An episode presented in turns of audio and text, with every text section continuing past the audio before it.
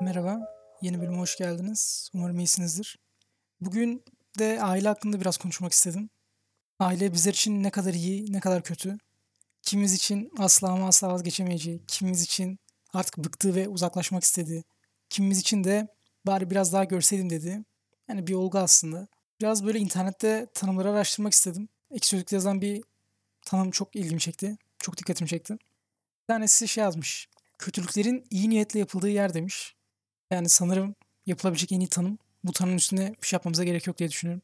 Yani eminim birçoğumuzun ailesi hiçbir zaman bizim kötülüğümüzü istemiyor. Hiçbir zaman istemez. Tabii eminim istisnalar vardır. Saçma sapan insanlar çıkıyor. Ama e, kötülüğümüzü istememesine rağmen bizi üzebiliyor çünkü ne bileyim kim zaman fazla korumacı oluyorlar. Kim zaman kendi düşüncelerinin daha doğru olduğunu düşünüyorlar ve bunu size kabul ettirmeye çalışıyorlar falan. Yani gerçekten de çok iyi bir tanım olmuş. Şimdi eğer ne bileyim çok büyük yaşta dinleyen birisi varsa eminim ailenizin değerini bilin. İşte aileniz çok kıymetli. Kaybedince değerini anlıyorsunuz tarzı kelimeler kullanacak. Şimdi yeni ergenliğine girmiş birisine sorarsak biraz uzaklaşmak benim için çok daha iyi olur. İşte çok sevmiyorum. Çok ters düşünüyorlar. Tarzında bir tanım yapar. Yani aslında baktığın zaman her ikisi de doğru. Her ikisi de kendince doğru tanım yapıyor. Ama işte yaşımıza göre maalesef tanım değişiyor. Hatta şey de var. E, kimimizin ailesi sadece başarılı olunca arasını iyi yapıyor çocuğuyla. Yani sınavı kötü geçtiyse çocuğun işte atıyorum kızar, bir hafta küser. İşte küser yani hani kimi zaman sadece tek sevgi şeyi e, başarıdır. Dolayısıyla senin sosyalliğini de etkiler. Senin sosyalliğini de kısıtlar çünkü senin başarılı olmanı istiyordur. Belki de kendisini öyle tatmin ediyor ailen. Ama bu da var ve çok hoş değil yani açıkçası. Tam olarak böyle bir aileye sahip değilim ama buna yakın olabilir. Yani dersim ne kadar iyiyse genelde aramız o kadar iyi olurdu. E tabii şu an düşünüyorum hani zaten dedik ya kötülüklerin iyi niyetli yapıldığı yer diye.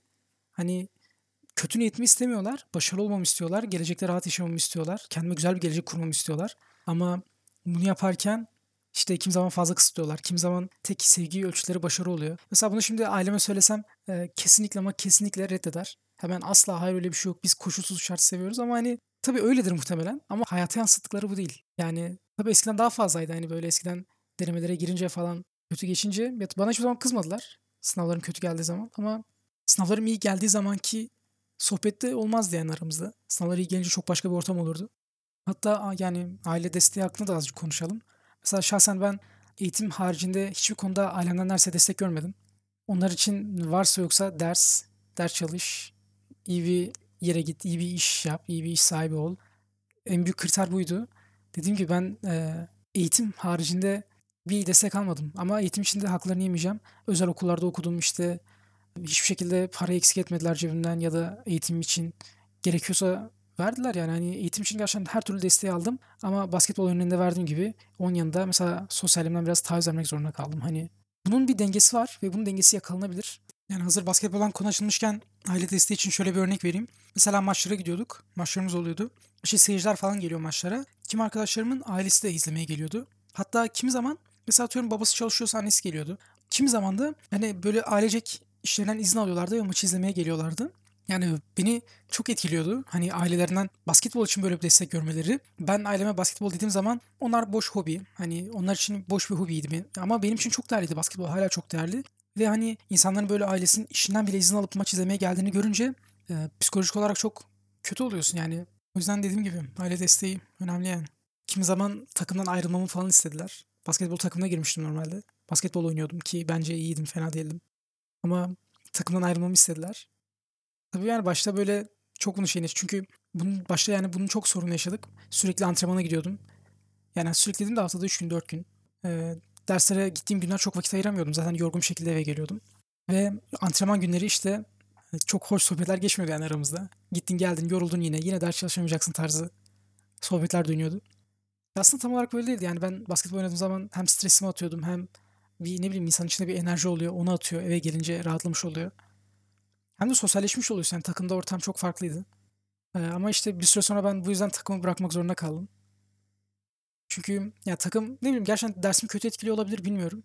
Ama bu kadar da gerekli değil diye düşünüyorum. Yani sosyalliğimizi bu kadar yok etmemeliyiz ama işte bunu bir aileye anlatmak biraz zor. Çünkü kendilerinin tek ölçütü başarı. Dediğim gibi bunu sorsan reddederler. Biz seni koşulsuz şart seviyoruz. Ne olursan ol yine seveceğiz. Ki severler de eminim. Yani üniversiteyi kazanamasam ya da ne bileyim belki lisede bile çok kötü bir yere gitsem yine beni sevecekler miydi? Elbette seveceklerdi. Ama aramızdaki samimiyet, aramızdaki bu sohbet belki bu kadar olmayacaktı.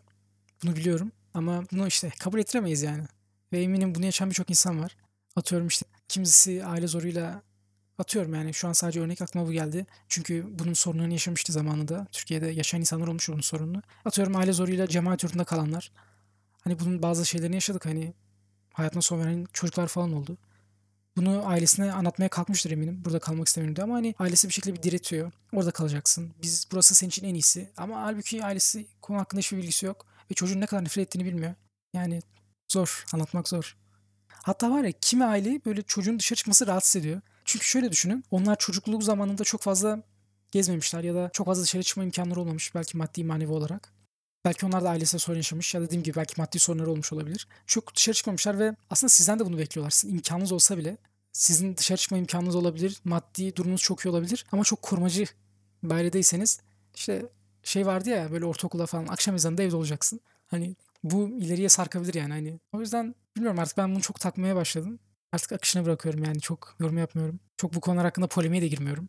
Dediğim gibi akışına bıraktım. Yani bunun çözümü var mı? Yani çözümü yok herhalde bunun. Ya da bir süre sonra şey olur yani çözmüş olabilir. Siz sürekli dediklerinin tersini yaparsınız, dediklerinin tersini yaparsınız. Ya da yani ters dediğim illa ters olmak zorunda değil. Kendinize mantıklı geliyorsa onun dediklerini yaparsınız ama mantıklı gelmiyorsa tersini yaparsınız. Kendi bildiğinizi yaparsınız ve en sonunda hayırsız evlat olursunuz. Hani çünkü sonu genelde böyle biter yani. hayırsız evlat oldu. Bizimki hayırsız evlat. Ne dersek tersini yapıyor. Ama işte hani bilmiyorlar. Biraz böyle anlatmak zor.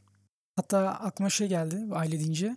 Bir de şey var aile dizimi diye bir şey var. Aile dizimi terapisi diye bir şey var daha doğrusu. Bilmiyorum tabii ilk duyduğum zaman bana çok aşırı saçma geldi. Bunun hakkında yapılmış videolar var, podcastler var. Hatta bir podcast dinlemiştim. Yani yanlış hatırlamıyorsam anlatan kişi de katılmıştı bu aile dizimi terapisine ve gerçekten fayda gördüğünü falan söylemişti. Bilmiyorum belki gerçekten olabilir. Hiç deneyimlemedim. Ama yani Mantuş aile dizimi terapisinde e, bireylerin kuşaklar öncesinde yaşanan nesilden nesile aktarılan bir olayın psikolojik etkileri üzerine yapılan bir terapi yöntemidir. Yani olay şu ki sizin dedenizin dedenizin dedesi bile aslında sizin kaderinizde bir rol oynuyor.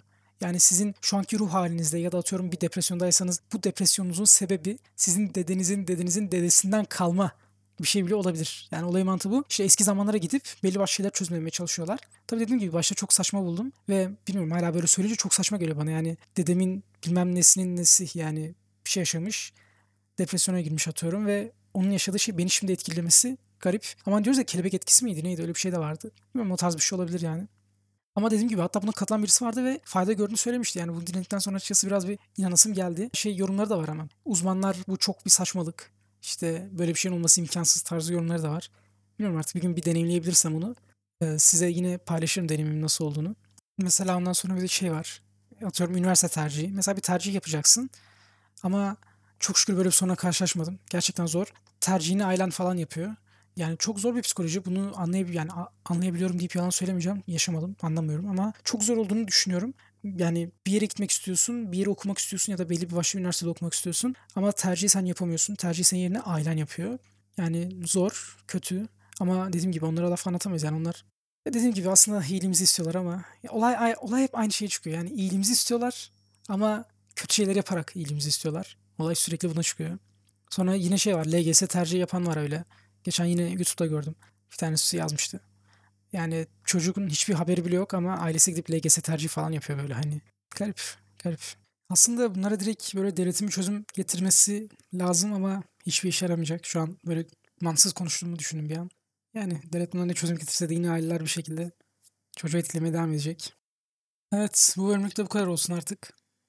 Biraz bu konu hakkında konuşmak istedim. Eminim aynı sorunu yaşayan binlerce insan vardır. Umarım herkesin sorunu bir gün çözülür. Herkes mutluluğa refaha erer. Bölüm hakkında fikirlerinizi, düşüncelerinizi, olumlu ya da olumsuz eleştirilerinizi ya da sonraki bölümde şunları şunları konuşsak daha iyi olur dediğiniz konular varsa hem Instagram üzerinden hem de e-mail üzerinden bana geri dönüş yapmayı unutmayın. Her bölüme bir şarkıyla veda ediyorduk. Bu bölüme de Break adlı şarkıcının Dayan Bana Biraz adlı şarkısıyla veda edelim. Break'i bayağı tavsiye ediyorum benim favori sanatçılarımın arasında. Herhalde yani gerçekten Onur Can Hoca'na çok yakın. İsterseniz Birey'i de bir dinleyebilirsiniz. Bu bölümde Dayan Bana Biraz olsun şarkımız. Sonraki bölümlerde görüşmek üzere. Hoşçakalın.